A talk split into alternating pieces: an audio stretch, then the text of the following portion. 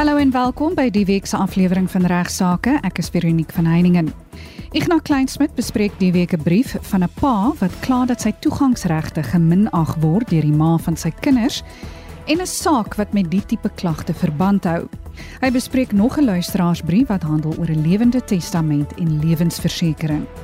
My spesialis gas, Johan Botha, praat in die tweede deel van Regsake met my oor konstruktiewe ontslag.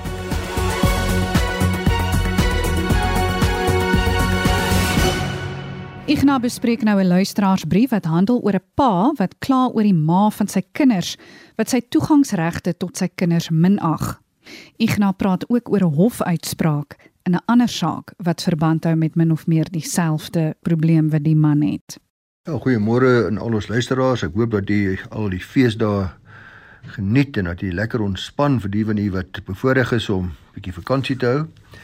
Ek het onlangs weer die sovelse skrywe ontvang van 'n pa wat kla steen en been dat sy toegangsregte geminnig word of opsetlik gefrustreer word deur die moeder van die kind. Soms skryf mens briewe tot die teendeel waar dit weer andersom is waar die pa weer die persoon is wat ouerlike regte het en dan kla die ma weer oor dat daar toegangsregte gefrustreer word. Dikwels lyk dit asof die een ouer die ander een wil straf en die kinders natuurlik as pionne of as wapens gebruik in hierdie proses. Jy kan nie dink dat iemand so wreed kan wees nie, maar soms word dit egter erger sodra een van die ouers, byvoorbeeld die pa, 'n nuwe liefde vind of dan die ma. Onlangs het die Hooggeregshof in Johannesburg met 'n baie interessante geval geworstel en myns insiens 'n uh, uitstekende uitspraak gegee wat so bietjie hierdie gebruik van ouers in die bek wil ruk. In hierdie geval het die hof bevel gemaak vroeër die jaar al in Maart van toesig wat gesê die kinders moet van 14 Maart alternatiewe weke by die pa en die ma deurbring. Die hof het gesê dis die verantwoordelikheid van die ouer om te sorg die kinders in daardie stadium is om te verseker dat hulle die skool bywoon sodat gedeelde toesig en indien die kinders om enige rede in die skool toe kan gaan nie dan moet die betrokke ouer die ander onmiddellik laat weet ensovoorts.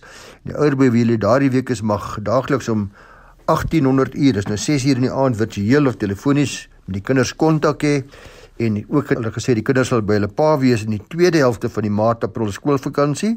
Dis nou wat reeds verby is in die eerste helfte van julie vakansie, die tweede helfte van die september vakansie ensovoorts ensovoorts. En dan ook die tweede helfte van die desember vakansie waarin ons nou is.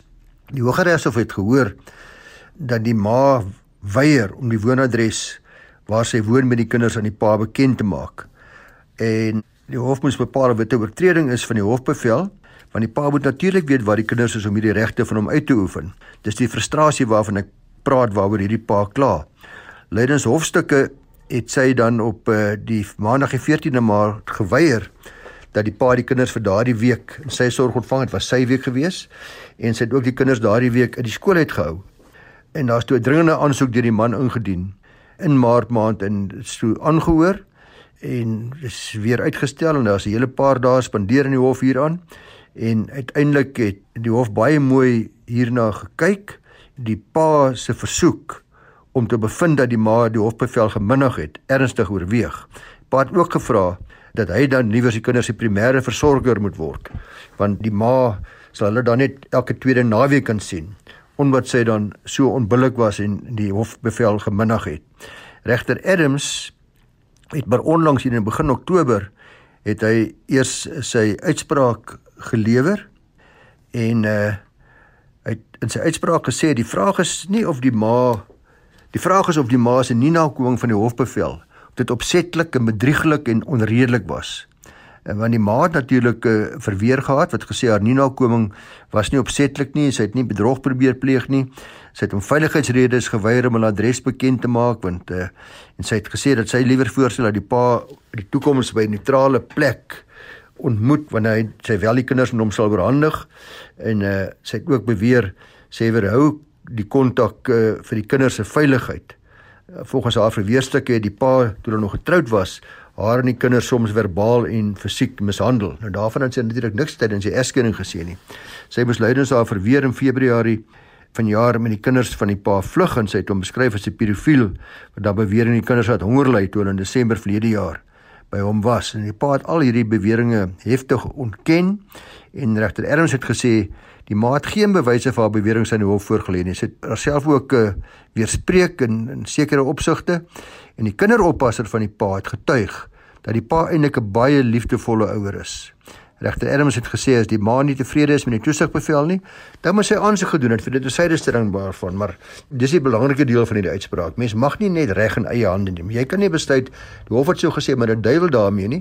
As ek nie meer met die hofbevel saamstem nie, dan gaan ek hof toe. As jy my prokureur en ek laat die hofbevel wysig, maar ja, wyl die hofbevel staan, mag ek nie reg in eie hande neem nie. En dis 'n belangrike beginsel wat die hof hierso weer baie duidelik uitgespel het. So die ma is toe in die Hooggeregshof van Johannesburg 'n opskorte vonnis van 'n maand tronkstraf opgelê omdat sy hierdie toesigbevel geïgnoreer en geminnig het deur die kinders te weerhou van kontak met hulle biologiese pa. Dis nou die nie gee van die adres nie ensovoorts, maar luisteraars, die vonnis is gelukkig vir haar opgeskort op voorwaarde dat sy van nou af elke liewe woord van hy toesigbevel behoorlik nakom. Pa se aansoek om sy toesigbevel te wysig sodat hy dan die primêre versorger is, het wel misluk, maar uh, die dit het vir die ma 'n klomp geld gekos hierdie uh spel van haar want uh, 'n gevolge die uitspraak moes sy ook die hofkoste betaal. Die uitspraak het ongelukkig niks gesê wat die toesigomstandighede hangende die hof aansoek was nie. Maar uh, ek dink 'n mooi lesie vir ons almal om maar hofbevele na te kom en nie reg in eie hande te neem nie en veral nie in die regter het dit baie sterk beklemtoon nie die kinders te gebruik waar daar hoofbevele is wat vir die pa of vir die ma sekere regte gun nie. Ignas het nog 'n brief ontvang deur 'n luisteraar wat 'n vraag het oor lewensversekering en 'n lewende testament. Veronique het vir my baie interessante vraag aangestuur van af Susan Fourie.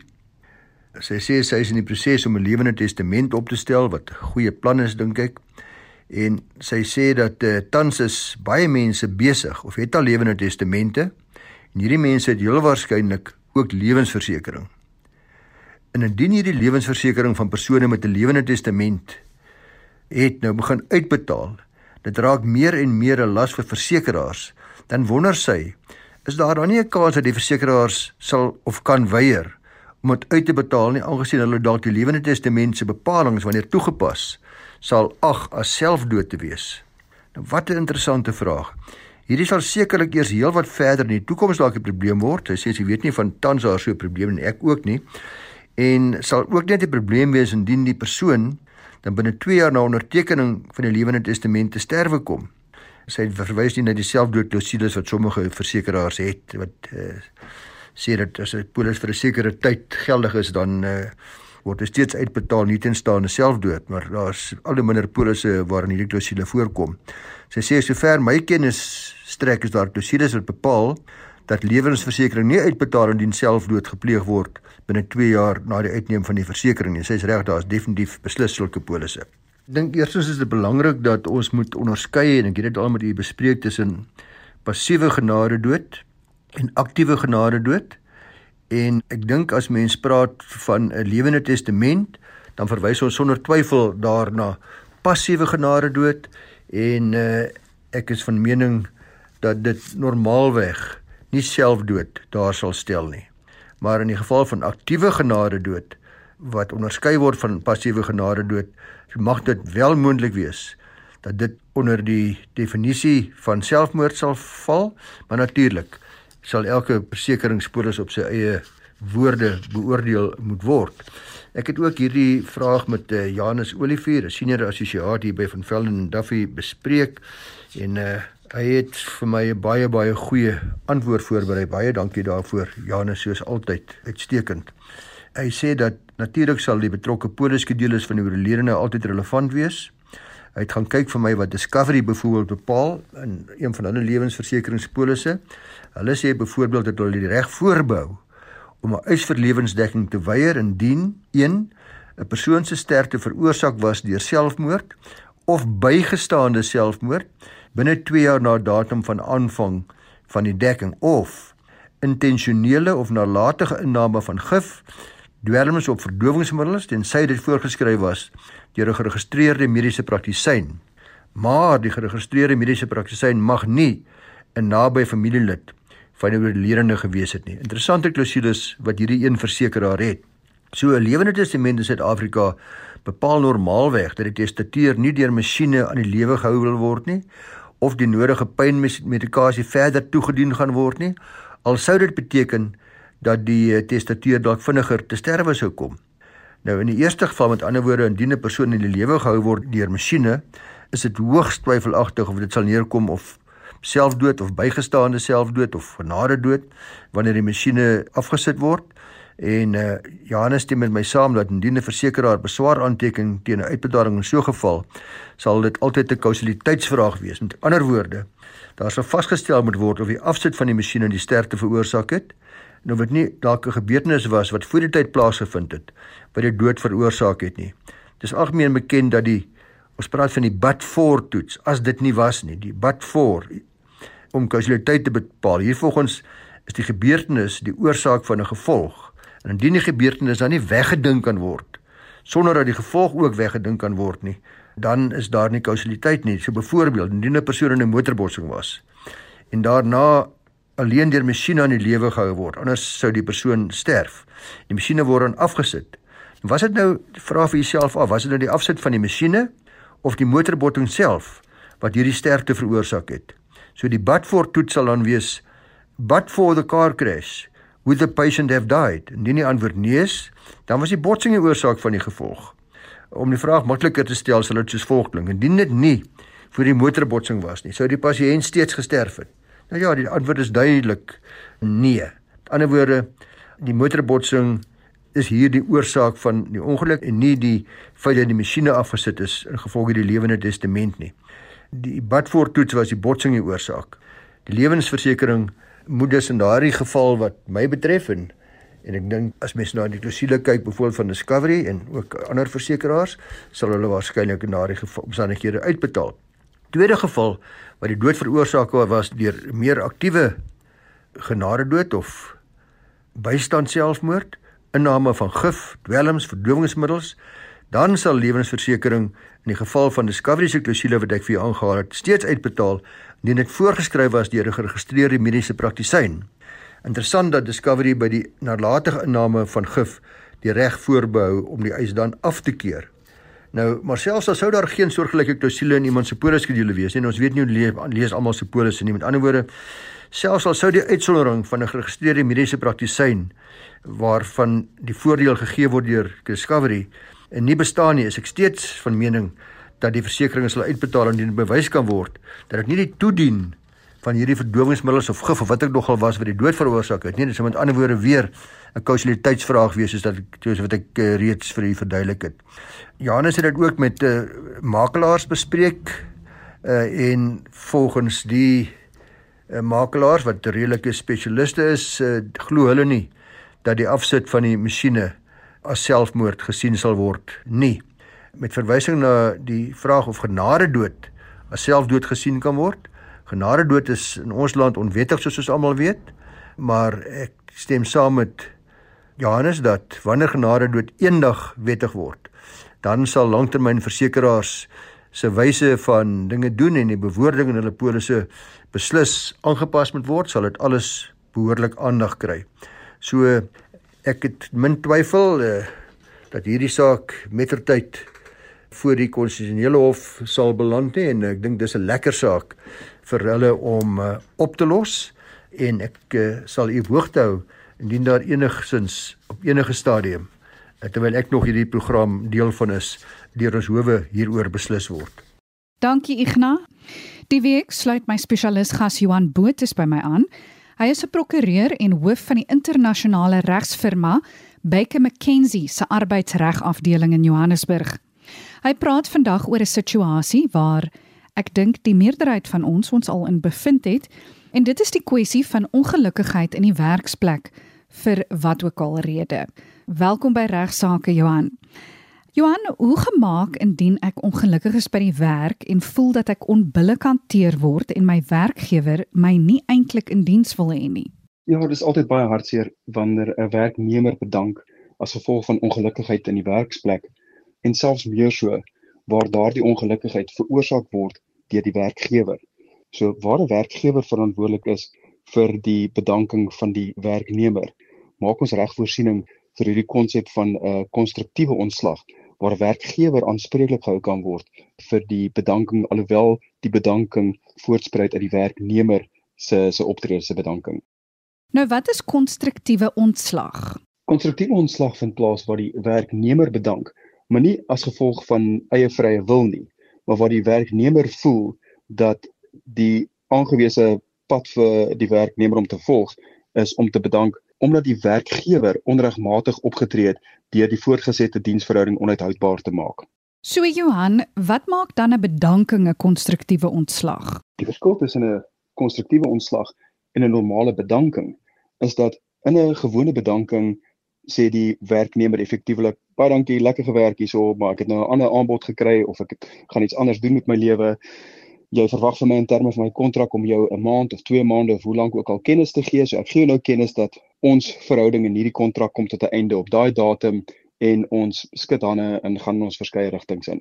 Konstruktiewe ontslag aan die ander kant sê die werknemer ek wou nog hier bly werk het.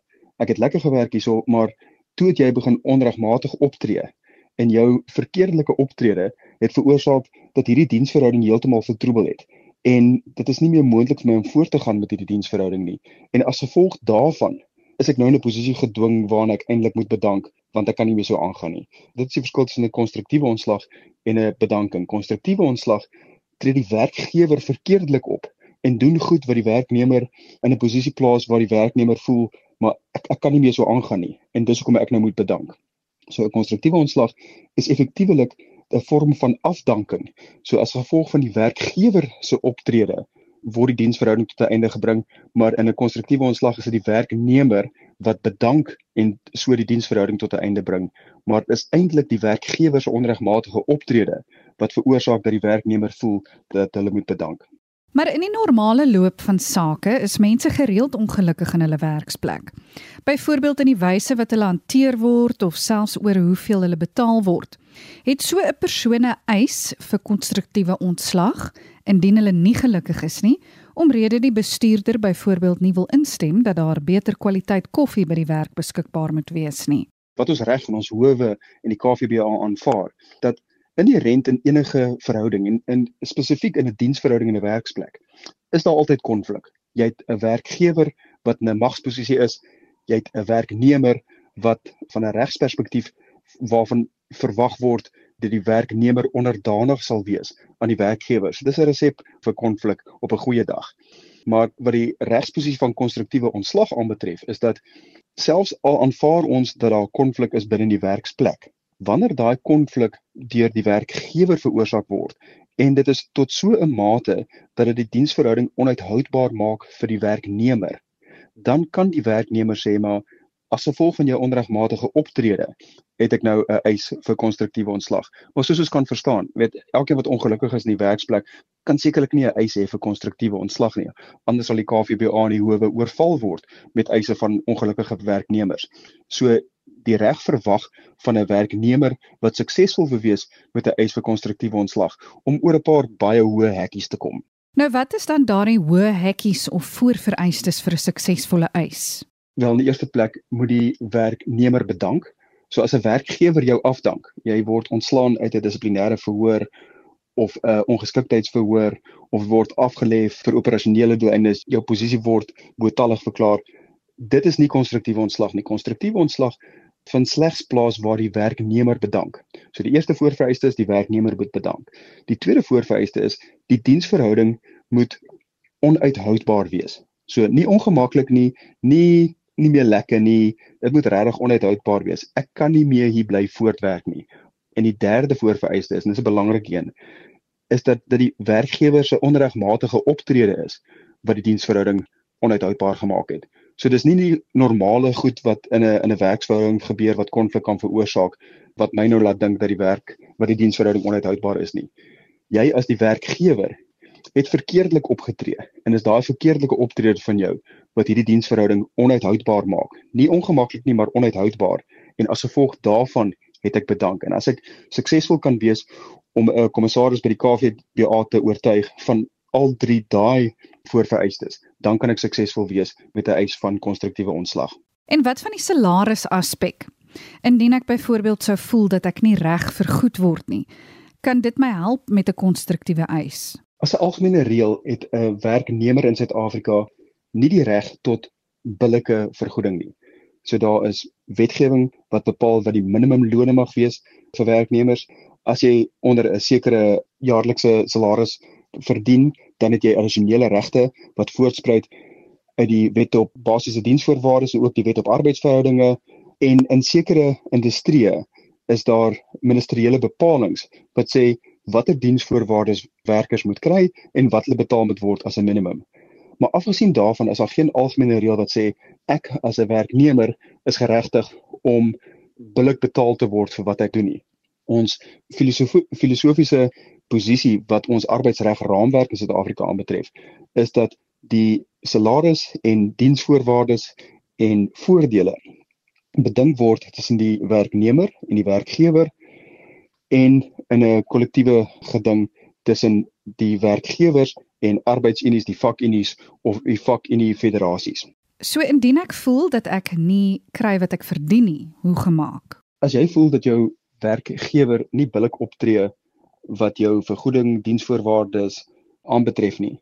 Natuurlik die een opsie wat jy het is om te bedank en iewers anders te gaan werk waar jy wel gewaardeer gaan word. Wat 'n werkgewer nie mag doen nie, is om onbillik te diskrimineer teen jou wanneer dit kom by diensvoorwaardes insluitende salaris en en voordele. Maar vir so 'n eis om suksesvol te wees, moet daar onbillike diskriminasie wees. So dis nie net 'n kwessie van ek betaal jou minder as wat jy dink jy werd is nie. Dis 'n kwessie van ek betaal jou minder as jou kollega wat van 'n ander geslag is, van 'n ander ras of etnisiteit of wat van 'n ander geloof is of enig van die ander beskermde gronde in terme van artikel 6 in die wet op 'n uh, billike indiensneming. So waar daar onbillike diskriminasie is en daai diskriminasie is dan die grondslag van die verskil tussen jou vergoeding en 'n kollega se vergoeding, dan het jy reg om 'n uh, eis in te sit in terme van artikel 6 sub 4 van die wet op billike indiensneming. Maar afgesien van sulke onbillike diskriminasie is daar nie 'n algemene reg wat sê dat jy is geregtig daarop om dieselfde te betaal word as 'n kollega in dieselfde maatskappy en beslis nie as iemand as as iemand anders in jou bedryf wat meer kry as jy so 'n ander werkgewer betaal hulle werkers meer indien ooreenkomstig as jy geregtig om iets soortgelyks te betaal te word nie. So wat dit kom by konstruktiewe ontslag, is dit baie baie onwaarskynlik dat die feit dat jy minder betaal word as wat jy voel jy geregtig op is, dat dit enigstens 'n grondslag gaan wees vir 'n suksesvolle eis vir konstruktiewe ontslag. Nou, is dit enigstens moontlik vir my om te vra vir herindiensneming by dieselfde werkgewer nadat ek konstruktief ontslaan is? Die hele grondslag vir konstruktiewe ontslag is dat die diensverhouding tussen my en my werkgewer is onuithoubaar. Ek kan nie daarby voortwerk nie en as gevolg van die werkgewer se onregmatige optredes dat ek toe gedwing is om te bedank en ek gaan na die KVBA toe en sê weet dit wat hulle gedoen het is onbillik en uh, ek wil hê julle moet my reg help daarmee en en vir my regshulp gee. So dit was vir 'n lang tydperk het ons geglo dat herindiensneming is nie 'n geskikte remedie waar 'n werknemer eis dat die diensverhouding onuithoudbaar geword het as gevolg van die werkgewer se onregmatige optrede nie. Maar die howe het so 'n paar jaar gelede bevestig en sê dat herindiensneming is nie van die tafel af as 'n regsremedie waar 'n werknemer eis dat die diensverhouding onregmatig gemaak is nie. So 'n werkgewer wat so onbillik optree en dan veroorsaak dat die werknemer bedank, kan gedwing word om daai werknemer weer terug te vat in die werksplek in waar die werknemer dan suksesvol is met 'n eis van konstruktiewe ontslag. Dis ongelukkig nou tyd om af te sluit. Ek sê baie dankie aan Ignas Kleinsmid vir vandag se program. En ek bedank weer vir prokureur Johan Botus van die internasionale regsfirma Baker McKenzie se arbeidsregsafdeling in Johannesburg vir sy bydrae tot vandag se program. Vir enige navrae stuur gerus 'n e-pos na my toe by vero@rsg.co.za. Van my Veronique van Heiningen groete tot volgende week.